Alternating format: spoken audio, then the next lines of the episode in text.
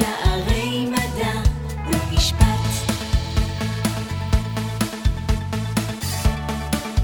אתם מאזינים לפודקאסט האקדמי של שערי מדע ומשפט, והפעם בנושא מסוימות ודרישת הכתב, עם הדוקטור חגי ויניצקי, מהקורס דיני חוזים MA. שערי מדע ומשפט. שלום לכולם, כאן דוקטור חגי ויניצקי, התבקשתי על ידי סטודנטים להעביר איזושהי סקירה כללית בנושא של מסוימות, השלמה ודרישת הכתב.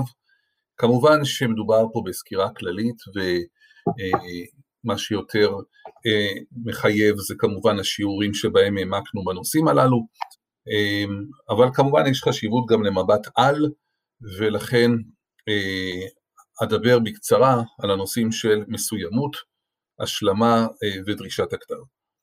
דרישת המסוימות היא מצטרפת לדרישה החשובה יותר, שהיא הדרישה לגבירת דעת. זהו למעשה המבחן החשוב ביותר לכריתת חוזה, האם הצדדים העידו על גמירת דעת, כל אחד מהם, וזהו המבחן העיקרי. אבל המבחן הנוסף לכריתת חוזה הוא מבחן המסוימות. בעצם המבחן בודק את השאלה האם הפרטים העיקריים לצורך קיום החוזה אה, נמצאים ואפשר אה, לקיים את החוזה במידה שהצד השני יסכים להצעה.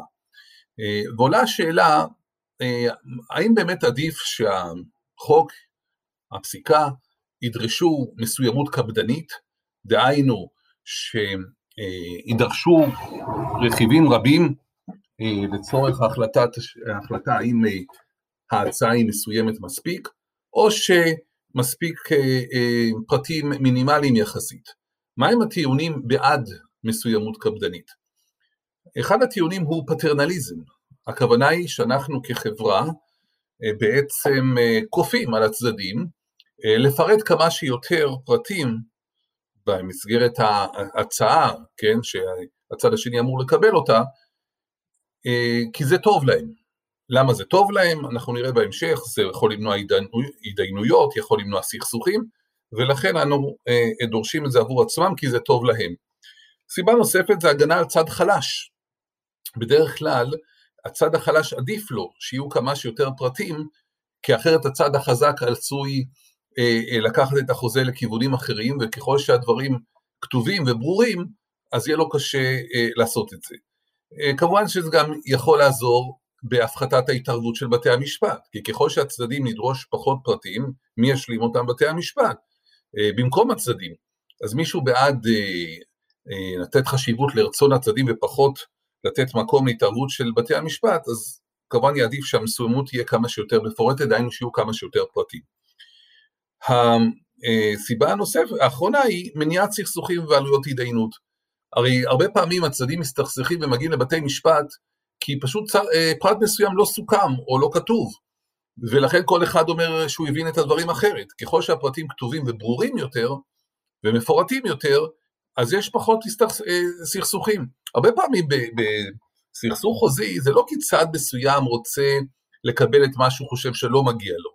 אה, ולכן אם צד מסוים רואה שדבר פורט בחוזה והוא לא לטובתו, אבל מה לעשות, זה, זה מה שכתוב, אז הוא ישלים עם העניין. אבל ברגע שהפרט בעצם לא מופיע בחוזה, אז אה, כל צד מושך לכיוון שלו. לכן, כדי למנוע סכסוכים ועלויות התדיינות, רצוי שיהיו כמה שיותר פרטים. אז זה בעצם הטיעונים בעד מסוימות קפדנית. מהם הטיעונים נגד מסוימות קפדנית? א', תיאוריית הרצון. הרי המטרה שלנו, אחת המטרות בדיני חוזים, זה להגן על רצון הצדדים. אה, וככל שהרצון הזה בא לידי ביטוי במבחן גמירת הדעת, ואנחנו יודעים שהם בעצם רצו את החוזה, אז לא בגלל שחסר פרט כזה או אחר, אה, אנחנו אה, נוותר על ההסכם, בעצם נגיד שלא הייתה, שלא נכרת חוזה. לכן אפשר להסתפק במסוימות מינימלית יותר, וגם עלויות עסקה. כן, אם אנחנו עושים חוזה, נגיד שמדובר חוזה חשוב כמו מקרקעין, אז ברור שחשוב מאוד לפרט, זו עסקה ענקית, אבל אם מדובר בחוזים פחות חשובים, כן? אז אה, האם עכשיו למכירת רכב זה הגיוני שנעשה עכשיו חוזה חמישה עמודים עם פירוט של כל מיני סעיפים? לא, כי יש לזה עלויות, עלויות של עורכי דין וכולי. אז במקרים כאלה אה, עדיף להסתפק במסוימות מינימלית. מהם התנאים הבסיסיים באמת שנדרשים לדרישת המסוימות? אז השופט הציוני בפסק דין קפוצקי נגד גני גולן, כבר מזמן, לפני שנים רבות, מנה לגבי עסקת מקרקעין, למרות שזה גם רלוונטי חלק מהדברים לעסקאות אחרות, לא כולם, את הפרטים המינימליים שנדרשים, אם כי הפסיקה גם את הפרטים האלה ריככה עם הזמן. הפרט הראשון הוא בעצם שמות הצדדים, כן? כי לפעמים אה, לא ברור בכלל מי יתקשר. תארו לכם שיש מוכר שהציע את הדירה שלו והיו כמה אה, אה, קונים פוטנציאליים שהתעניינו, ובסוף יש איזשהו חוזה, אבל לא כתוב מיהו הקונה, כן? אז יכולה להיות שאלה בכלל שלא ברור מי הם שמות הצדדים. עכשיו, כמובן שניתן להשלים את זה, אנחנו נראה שחלק לא מבוטל מהפרטים האלה גם ניתנים להשלמה למרות שהם יהיו חסרים, למשל על ידי החתימות, כן? למרות שלא כתוב אה, אה, בהתחלה שא' יתקשר עם ב' וכולי, אבל בחתימה רואים בעצם, אם היו חתימות, כן?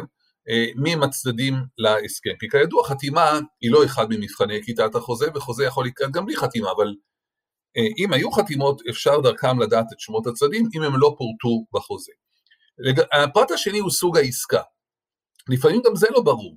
הרי אם אדם בעצם עושה עסקה לגבי רכב ב-36 תשלומים, זה יכול להיות עסקת מכר ב-36 תשלומים, וזה יכול להיות גם עסקת ליסינג, שהיא עסקה ביסודה ברוב הזמן עסקת שכירות, עם אפשר אופציה לקנות את הרכב בסוף במחיר מינימלי.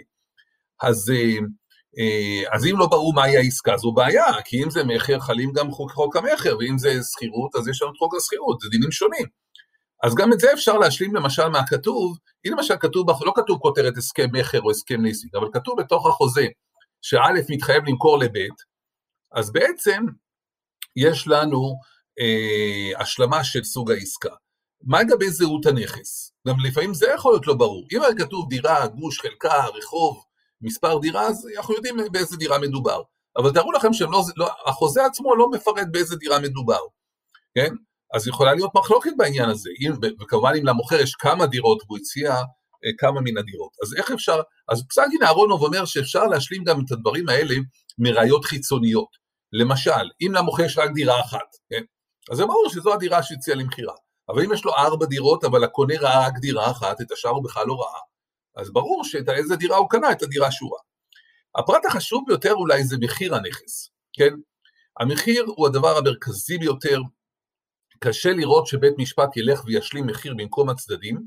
אמנם ישנו סעיף 46 לחוק החוזים שאומר שאם לא קבעו את המחיר אה, או את התמורה, אז אפשר להשלים אותה על פי תמורה שראויה בנסיבות העניין, אבל ודאי שלא ילכו וישלימו את המחיר של הדירה.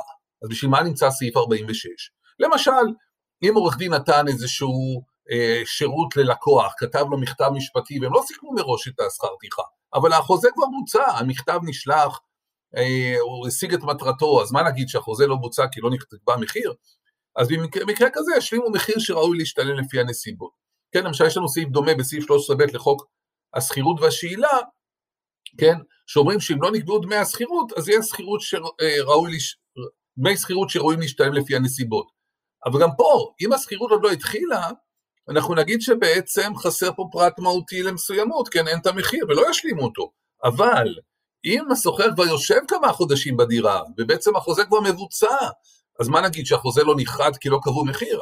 אבל במקרה כזה ישלמו סכום שראוי להשתלם לפי הנסיבות. אה, עוד פרט חשוב הוא מועדי התשלום, כן? שהרבה פעמים נטו שלא להשלים אותם. אם כי יש פסק דין רוזנברג נגד סבן שאמר שתנאי התשלום לא תמיד מהותיים, אז אולי כן אפשר להשלים, ופסק דין יגאל כהן נגד שמואל כהן למשל, בא ואמר שאם התשלום, הרי מה קורה פה? הצד אחד בעצם רוצה את החוזה, נגיד הקונה, וצד שני לא רוצה המוכר. אז בא המוכר ואומר בעצם, לא נקבעו תנאי תשלום, ולכן אין פה מסוימות. מה יכול הצד השני בעצם למשוך לו את השטיח מתחת לטענה?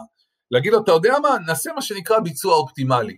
אני אתן לך את צורת התשלום הכי טובה מבחינתך. אתה רוצה את כל הסכום במזומן? הנה, אתה מקבל אותו. אז פה באמת התקשה המוכר באופן אה, תם לב להגיד שעדיין יש לו בעיה, כי הרי אם היו מדברים על זה בחוזה הם מסכימים, והיו נותנים לו את כל מה שהוא רוצה, בוודאי הוא היה מסכים, אז מה יש עכשיו לומר בעניין הזה? אז זה גם דרך להשלים את הדברים. הפרט האחרון שאותו ודאי נוטים להשלים הרבה פעמים זה ההוצאות והמיסים. אם לא קבעו מי ישלם הוצאות מסוימות או מיסים מסוימים, אז השלמה תהיה לפי החוק. למשל, במכירת עסקת מקרקעין, אז לפי החוק מי שאמור לשלם אה, מס שבח זה המוכר, מי שאמור לשלם מס רכישה זה הקונה, אז ישלימו לפי, לפי החוק, זה נאמר בפסק דין קדרי, בפסק דין רבינאי נגד מן שקד וכולי. אז אתם רואים שיש פה שישה תנאים בסיסיים, אבל גם אותם אפשר להשלים בנסיבות מסוימות, וכמובן שגם ככל שיש יותר מסוימות, יותר פרטים, זה גם מעיד יותר על אה, גמירת דעת של הצדדים. אה, איך אנחנו באמת אה, משלימים פרטים לאחר שבעצם עמדנו בדרישת המסוימות? אז פה יש היררכיה מסוימת, קודם הולכים לנוהג פרטי, למשל אם חסר פרט בחוזה, אה, אז אפשר להשלים אותו על ידי חוזים קודמים, כן? אם למשל בחוזה שכירות, כן, לא כתוב מי אחראי על תיקונים כאלה ואחרים, אז אפשר לפנות לחוזה שכירות קודם בין הצדדים, כן, ולראות האם שם הפרט היה מופיע כן, ופה פשוט הם החליפו סוג של חוזה ולכן זה לא מופיע. כמובן שצריך לבדוק שאין שם הסדר שלילי, הכוונה היא שהם בחוזה החדש החסירו את הסעיף כי הם רצו הסדר אחר, ואז כמובן אי אפשר להשלים, אבל, אבל אם בעצם זה נובע משכחה, אז אפשר להשלים את הפרט החסר, אה, או להשלים על פי נוהג כללי, זאת אומרת לראות מה קורה בחוזים אחרים. אה, בתחום הזה, האם המזכיר הוא זה שברוב החוזים אמור לתקן, או הסוחר, אה, וכמובן אפשר להשלים מחוקי חוזים מיוחדים דיספוזיטיביים, למשל, אם לא נקבע תוך כמה זמן צריך לקיים את החוזה, אז לפי סעיף 9 לחוק המכר, אם לא נקבע מועד אז הוא יהיה תוך זמן סביר, נגיד הזמן הסביר הוא חודש, ומי יקבע את המועד בתוך אותו חודש? אה, המוכר, כך נקבע בסעיף 9 לחוק המכר. זה דרך אגב סותר את מה שקבוע בסעיף 41 לחוק החוזים, ששם נאמר שאם לא נקבע מועד זה יהיה זמן סביר, אבל מי שיקבע את המועד לביצוע החוזה בתוך החודש יהיה הנושה. הנושה זה בעצם, עם החיוב למסור את הנכס, אז הנושה הוא הקונה. אז יוצא שלפי חוק המכר זה המוכר יקבע את המועד בתוך התקופה, ולפי חוק החוזים זה יהיה הקונה, ואנחנו יודעים כמובן שיש כלל יסודי ב, אה, בעולם המשפט בכלל, שדין מיוחד גובר על דין כללי, ולכן הדין שיגבר הוא הדין של אה, חוק המכר. המוכר הוא זה שיקבע. למה זה חשוב? כי אם המוכר בעצם תוך חודש צריך לקיים את החוזה, והקונה בא למוכר ואומר לו, אני רוצה את זה או ביומיים הראשונים או בשבוע האחרון, כי בין לבין אני בחו"ל, כן? אז המוכר יכול להגיד לו, סליחה, עם כל הכבוד, אני ביומיים הראשונים לא יכול לקיים, הנכס עוד לא הגיע אליי, ואני יכול רק ביום הרביעי או החמישי, ואני לא מוכן שתבוא רק בעוד שבועיים אחר כך, כי זה תופס לי מקום בחנות, ויש לזה השלכות, כי אם הקונה לא בא בזמן, בנסיבות מסוימות, אם יקרה משהו לנכס, הוא עוד עלול לשלם על זה, גם אם הוא לא יקבל, ולכן הדברים הם חשובים. גם בחוק השכירות והשאילה, בסעיף 5 כתוב שאם לא נקבע מועד לביצוע השכירות, לא כתוב תוך כמה ימים אני אמור לתת לך את, ה, אמ, את הדירה מהמשכיר לסוחר, אז יהיה תוך זמן סביר ומי שיקבע זה יהיה המשכיר בתוך אותו חודש. לעומת סעיף 41 לחוק החוזים שלפיו זה יצא שמי שיקבע זה הסוחר, כן, הנושה. וכמובן גם פה, דין מיוחד גובר על דין כללי, ולכן אה, מי שיקבע זה אה, המשכיר ולא הסוחר, כי המשכיר יודע מתי הוא יכול לקיים את החיוב. כי, כי ה, רק המשכיר יודע למשל שאם יש עוד סוחר שלא פינה את הנכס ולוקח עוד שבוע עד שהוא יפנה, אז, אה, אז גם הסוחר יגיד אני רוצה את זה מחר בבוקר, המשכיר בעצם לא יכול לתת לו. ולכן הגיוני שמי שיקבע זה המשכיר. בסעיף 50 להצעת הקודקס בכל מקרה יקבעו שגם בדיני החוזים הכלליים מי שיקבע זה יהיה החייב ולא הנושה וזה כמובן הרבה יותר הגיוני. אה, עוד אה, סעיפי השלמה יש לנו בסעיף 10 לחוק המכר, כתוב איפה יבוצע החוזה. אז כתוב שהחוזה יבוצע במקום עסקו של המוכר, לעומת סעיף 44 לחוק החוזים, ששם נקבע שזה יהיה במקום עסקו של הנושה, דהיינו אם מדובר בחוזה מכר זה הקונה. עכשיו תארו לכם שבאמת הגיעה מכונת כביסה לחנות, והמוכר אומר לקונה בוא תיקח את המכונה. אומר לקונה מה פתאום, אתה רוצה שתביא לי את זה הביתה? איפה צריך להתבצע החוזה, בחנות או בביתו של הקונה?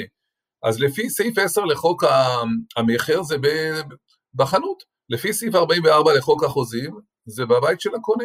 מי גובר על מי? חוק המכר גובר על חוק החוזים, כדין מיוחד גובר על דין כללי, ולכן אה, זה יהיה בחנות ולא במקום אחר.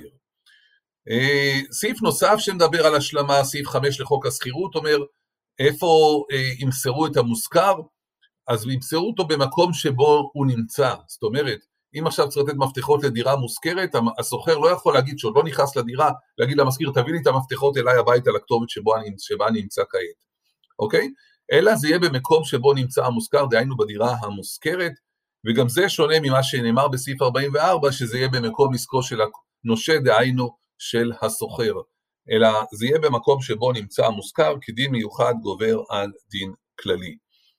אה, סעיף 45 לחוק החוזים קובע דרך אגב שאם לא הוסכם על איכות, אם זה יהיה באיכות גבוהה הביצוע, כן, או נגיד האם זה יהיה שיש חברוני מטר על מטר בדירה לבנייה או, או שיש 20 על 20 סומסום, כן, לא נקבע איכות, אז האיכות תהיה איכות בינונית, בינונית לא במובן השלילי של המילה בינוני, אלא במובן הממוצע. בסעיף 46 כבר אותו הזכרנו קודם, מדבר על מחיר ראוי, אם לא קבענו מחיר זה יהיה מחיר ראוי, כאמור, זה לא, אה, אה, לא ישלימו את המחיר העיקרי בחוזה, אלא בחוזה שכבר בוצע, או למשל אם קבלן אה, סגרו איתו תשלום שלם על, על הבית, אבל, שהוא בונה, אבל לא סגרו על השקעים הנוספים שהוא יוסיף, אז זה ילכו לפי סעיף 46, וכאמור יש איזה סעיפים מקבילים בסעיף 13 לחוק השכירות, וגם בסעיף 20 לחוק המכר, שאם לא נקבע המחיר יהיה מחיר ראוי, אבל כאמור זה לא יהיה המחיר העיקרי של העסקה, אה, כל עוד היא כמובן גם לא בוצעה. אז עד כאן לגבי השלמה. אה, עוד כמה דברים לגבי אה, המסוימות. תראו, ישנה מחלוקת בפסיקה האם המסוימות היא צריך להחליש את המבחן הזה או לחזק או להחמיר בו, אז יש פסקי דין שמדברים על זה שהמבחן הזה הוא מבחן חלש יותר לעומת מבחן גמירת הדעת, כגון פסק דין בית הפסנתר, פסק דין פרידמן נגד שפירא, פסק דין גרין נגד פרידמן. אה, לעומת זאת יש אה, אה, פסקי דין אחרים שמדברים שצריך להחמיר עם מבחן המסוימות, ובית המשפט מסרב להשלים למשל את מועדי התשלום בפסק דין הדני, או שמסרב להשלים פרטים מהותיים בפסק דין חבר'ה קדישא נגד לוי. אז כמובן שאנחנו רואים פה פסיקות סותרות גם מתקופות שונות, אז אין לנו בעצם כיוון אחיד בפסיקה, אבל פרופסור שלו ודוקטור אפי צמח בספר שלהם על דיני חוזים, באים ואומרים שהמבחן הפשוט הוא שלא ניתן להשלים פרט מהותי, כי בפרט מהותי הצדדים בעצם לא קבעו אותו, זה גם הרבה פעמים מעיד על חוסר בגמירת דעת. אה, עוד כמה נקודות בעניין הזה, מה קורה אם יש מחלוקת גלויה, זאת אומרת הצדדים חלקו בנושא הזה, בנושא מסוים במשא ומתן ולא הסכימו עליו, האם אפשר להשלים? אז התפיסה היא שלא ניתן להשלים, גם אם לא מדובר באופן אובייקטיבי בפרט מהותי, זאת אומרת, יכול להיות אדם הסביר יראה לו הפרט הזה כפרט שולי, אבל למה לא ניתן להשלים? כי אם הם חלקו עליו, אז כנראה הוא היה חשוב להם, ולכן זה גם נראה שאין הסכמה ואין גמירת דעת. מה קורה לגבי, מה קורה לגבי הסכמה אה, להסכים? אז במקרה כזה, אה, אה, הצדדים הסכימו על פרט מסוים שהם יסכימו עליו בעתיד, אה, לאחר מכן, והם לא הסכימו עליו. אז גישה שמרנית אומרת זה כמו מחלוקת גלויה. אם הם בעצם לא הסכימו עכשיו, אז הם בעצם חולקים על האחד על השני. גישה ליברלית יגיד, תגיד, שבעצם אם הם הסכימו להסכים, אז יש חוזה, כי זה לא כמו ממש מחלוקת גלויה, אמרו, נדבר על זה אחר כך, כן, אולי זה לא היה מספיק חשוב להם. גישת ביניים פשוט תגיד שאם מדובר בפרט מהותי, אז אין חוזה, כן? אבל אם מדובר בפרט שולי, אז יש חוזה אם אנחנו נשתכנע שהייתה גמירת דעת, וכך קובעים פרופסור שלו ודוקטור אפי צמח. אה, לגבי ביצוע אופטימלי, אה, אז כאמור אפשר להשלים אה, מקרים שחסר פרט מסוים בטענה שאני הצד שמעוניין בחוזה בעצם אתן לצד השני שטוען שאין חוזה את החיוב בצורה שהוא היה רוצה אותה, בצורה הכי טובה, למשל תשלום במזומן, כמו שהזכרנו קודם, פסק דין יגאל כהן נגד שמואל כהן, וכך עשויים לפתור את הבעיה. לגבי דרישת הכתב, אז כך, חוזים יכולים להיעשות בדרך כלל בעל פה, סעיף 23 לחוק החוזים, אה, זאת אומרת לא חייבים לעשות בכתב, אבל יש עסקאות מסוימות שהחוק מחייב שהן חייבים להיות בכתב, כגון אה, התחייבות לעסקה במקרקעין, אה, היא בעצם דורשת כתב לפי סעיף 8 לחוק המקרקעין. מהי הסיבה? השווי של הנכס. לרובנו עסקת מקרקעין היא העסקה החשובה ביותר שיש, ולכן אה, לא רוצים שאדם בהבל פה, שהוא יושב באיזה מסעדה או משהו, יגיד למישהו, אני מוכר לך את הדירה שלי וזה יחייב, אלא אנחנו מחייבים אותם להעלות את זה על הכתב. כי תחשבו על הרבה דברים שאתם מוכנים לה, להגיד בעל פה, פתאום אומרים לכם, לא, לא, אתם חייבים לרשום את הדברים, אז מישהו אומר, רגע, רגע, לרשום אני צריך עורך דין, כן? אז זה גורם לנו, אנחנו גורמים להם באופן פטרנליסטי בעצם אה, אה, לחשוב היטב על העניין. מהו החריג לעניין הזה? עסקת, הרי עסקה במקרקעין היא לא רק עסקה להעברת בעלות, צריך להבין, זה גם עסקאות אה, אה, משכנתה ועסקאות חכירה וכולי, אבל שכירות עד חמש שנים, כן, חוזה לשכירות עד חמש שנים, שנה, שנתיים, שלוש, ארבע, כן, יכול לעשות בעל פה, פטור מכתב, כך נאמר בסעיף 79 לחוק המקרקעין. חריג לחריג מופיע בסעיף 25ב לחוק השכירות והשאילה, ושם אה, נאמר שחוזה שכירות למגורים, כן, בהבחנה מחוזה שכירות עסקי או חוזה שכירות אחר, מחייב אה, גם כתב, כן, אפילו אם זה נגיד לחוזה קצר, לשנה וכולי, גם כתב וגם חתימה, ואין דרישה שבכלל לא ראינו אותה בחוק החוזים, כי כאמור חתימה היא, לא, היא בדרך כלל לא אחד ממבחני, היא, היא, היא בכלל לא אחד ממבחני כריתת החוזה, אבל פה אנחנו רואים שנדרש גם כתב וגם חתימה, אבל גם פה, גם הכתב וגם החתימה הם בעצם לא מבחנים הכרחיים, למה? כי הסיפה של הסעיף אומרת שאם חוזה שכירות למגורים, כן, לא היה בכתב ולא הייתה חתימה, זה לא שולל את תוקף החוזה. אז בעצם זה מין דרישה מומלצת. אז אפשר לומר כך ששכירות עד חמש שנים, אם היא למגורים, היא אמורה להיות בכתב, אמורה להיות חתימה, אבל גם אם לא, החוזה יחייב. אם זה מעל חמש שנים, אז יש דרישת כתב בכל מקרה. אה, דרישה לחתימה אין כאמור אה, בדיני החוזים. אה, גם התחייבות לתת מתנה טעונה כתב לפי סעיף 5 לחוק המתנה, מהי הסיבה? פה הסיבה היא סיבה אחרת, כי זה חל לא רק על מקרקעין, אלא גם על מטלטלין וזכויות, אז גם אם אני אה, מתחייב לתת ספר במתנה, נדרש כתב. ולמה? ושימו לב שהדרישה הזאת היא לא קיימת אם אני נותן את המתנה לאלתר, אם אני נותן למישהו עכשיו את הטלפון הנייד לאלתר, זה לא, אני יכול להיות בעל פה. אבל אם אני מתחייב לתת את הטלפון הנייד בעוד שבוע, שבועיים, זה חייב להיות בכתב. מדוע? כי זו עסקת חינם.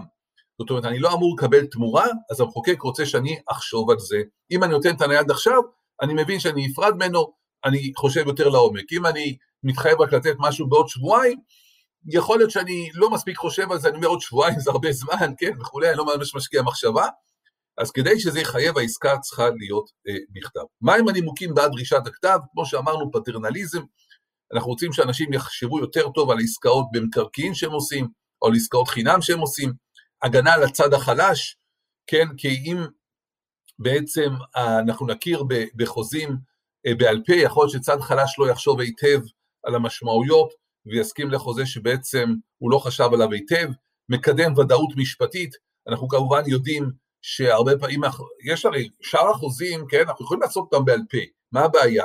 שמחייבים, אבל אנחנו לא יודעים מה היקף החיובים ומה החיובים בעצם אמרו, יוצר ערפל משפטי, זה כמובן, אם הדברים בכתב זה יכול למנוע סכסוכים ועלויות התדיינות בבתי משפט, כי אם החוזה הוא בעל פה, קודם כל יש, צריך להביא ראיות בכלל מה נאמר, מה, מה הצדדים הסכימו. לעומת זאת, אם זה בכתב, לפחות כתוב מה הצדדים הסכימו, יכול להיות שזה בעובד של פרשנות, אבל הדבר, המחלוקות מצטמצמות.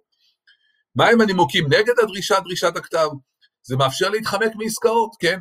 נגיד שעשינו עסקה במקרקעין בעל פה, ויש שם את כל הפרטים, את כל הדברים סיכמנו, והיה גמירת דעת והכל, אבל מי שיכול פתאום להתחמק ולהגיד, אה, לא היה כתב, לא מחייב אותי, וזה כמובן פוגע ברצון שלנו כן ליישם את רצון הצדדים, וכמובן עלויות עסקה, כן, כי אם אני עכשיו אה, צריך לעשות בכתב, אז צריך להשקיע אה, ולכתוב את הדברים, לפעמים מתייעץ עם עורכי דין, וזה עולה כסף.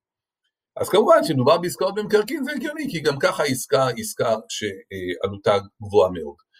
אה, בפסק דין גרוסמן נגד בידרמן קבעו שהדרישה הזאת היא דרישה מהותית ולא ראייתית, דהיינו, אם אין כתב אין חוזה, בדרך כלל תכף נראה בהמשך שיש איזשהו חריג מסוים, אבל זה המשמעות. בפסק דין בודוקובסקי כאמור נאמר שלא, נאמר שלא נדרשת חתימה, אלא רק אה, אה, שהפרטים יופיעו על כתב. בפסק דין קדרי נגד מסדר החיות צ'ארלס נאמר אפילו שקבלה, כן, שחסר בה פרטים רבים, יכולה להיות כתב אם ניתן להשלים את זה. עכשיו גם פה יש גישות שונות, תכף תראו לדרישת הכתב בפסק דין, אה, אני רוצה שתבינו שנייה, כי הרעיון של, מה צריך להיות בכתב? צריך להיות שבעצם הפרטים שדיברנו עליהם, שצריכים להיות במסוימות, אמורים להיות בכתב. אז פסק דין ברון נגד מנדיס אמרו שבכתב לא היו מועדי תשלום, אבל סוכם בעל פה על ארבעה מועדים. מה הבעיה? בית המשפט אמר כך, תראו, יש פה הסכמה בעל פה על ארבעה מועדים, זה לא, זה לא בעצם המנגנון שיש לנו אה, אה, בחוק, החוק לא מדבר על ארבעה מועדים, אלא מדבר על תשלום תוך זמן סביר וכולי, אז זה פוגע בדרישת הכתב. למה? ממה נפשך? את הכתב אנחנו משלימים בדרך כלל מהוראות החוק. אבל פה אנחנו יודעים שהצדדים הסכימו בעל פה משהו שהוא לא לפי הוראות החוק. אז אנחנו לא יכולים להשלים לפי הוראות החוק, ואנחנו גם לא יכולים לקרוא את ההסכמה בעל פה שלהם לתוך הכתב. כך יוצא שבעצם אי אפשר להשלים את מועדי התשלום, אז אין חוזה למרות שהייתה גמירת דעת ומסוימת. עכשיו תראו, זה מקרה נדיר, שבו הגיעו למסקנה שהייתה גמירת דעת, ובכל זאת הדבר נפל בגלל דרישת הכתב. אבל בפסק דין מאוחר יותר שוויגר נגד לוי מצמצמים את הלכת ברול, ואומרים שאין לקבוע שבכל מקרה שהוראות בעל פה סותרות את ההשלמה אין חוזה, גם אם יש סתירה בין הוראות ההשלמה להסכמה בעל פה, עדיין דרישת הכתב עומדת והולכים לפי ההסכמה בעל פה. פסק דין אהרונוב קבע אפילו שניתן להשלים פרט חסר, אפילו מהותי, כגון רכיב התמורה, באמצעות מסמך נוסף בכתב מאוחר לכריתה, שהוא בעצם מעיד על מה הצדדים התכוונו בעת הכריתה. אה, פסק דין זייתון נגד זערורה, גם ראיות חיצוניות אחרות למסמך הכתוב, שמעידות בבירור על הסכמתם של הצדדים לגבי נתון חסר, ואפילו מרכזי דוגמת מחיר, מאפשרות התגברות על חסר כתוב בחוזה. כן, זאת אומרת אפשר לאסוף את הדברים גם יחד, זה לא חייב להיות רק במסמך האחד. ובפסק דין קלמר נגד גיא, הרחיקו לכת עוד יותר, כן, שם היה מדובר במצב שלא היה כתב בכלל, אבל אה, הייתה שם איזושהי זעקת הגינות, כן? למשל, לא יכול להיות שאנחנו כבר נבנה מבנה על מקרקעין וכולי, למשל, כן? ואנחנו נבוא ונגיד, פתאום מישהו יגיד, אה, אבל החוזה היה בעל פה, אז זה לא מחייב. ברור שיש פה בעצם טענה לחוסר תום לב, כי הרי ברור שהרצינות כבר הושגה בלאו הכי. ולכן, אה, במצבים של זעקת הגינות כזאת, כן, חוסר תום הלב יכול להתגבר על היעדר כתב. ו- ולומר שלמרות שלא אה, אה, היה כתב, אה, תום הלב עדיף. פסיקה דומה, כן, במקרה שרוכש קיבל את ההחזקה במקרקעין ונהג בהם מנהג בעלים, ומישהו ניסה להשתחרר בטענה שלא היה כתב, ואמרו שחוסר תום הלב מתגבר על דרישת הכתב, זה פסק דין שם טוב נגד פרץ. אז אנחנו סיימנו את הנושא הזה. כמובן שחשוב לשים לב לפירוט שהיה בשיעורים עצמם, שהוא כמובן הפירוט המחייב. ואני מאחל כמובן הצלחה אה, לקראת תקופת המבחנים הבאה עליכם לטובה. תודה רבה. האזנתם לפודקאסט האקדמי של שערי מדע ומשפט. תודה ובהצלחה במבחנים. שערי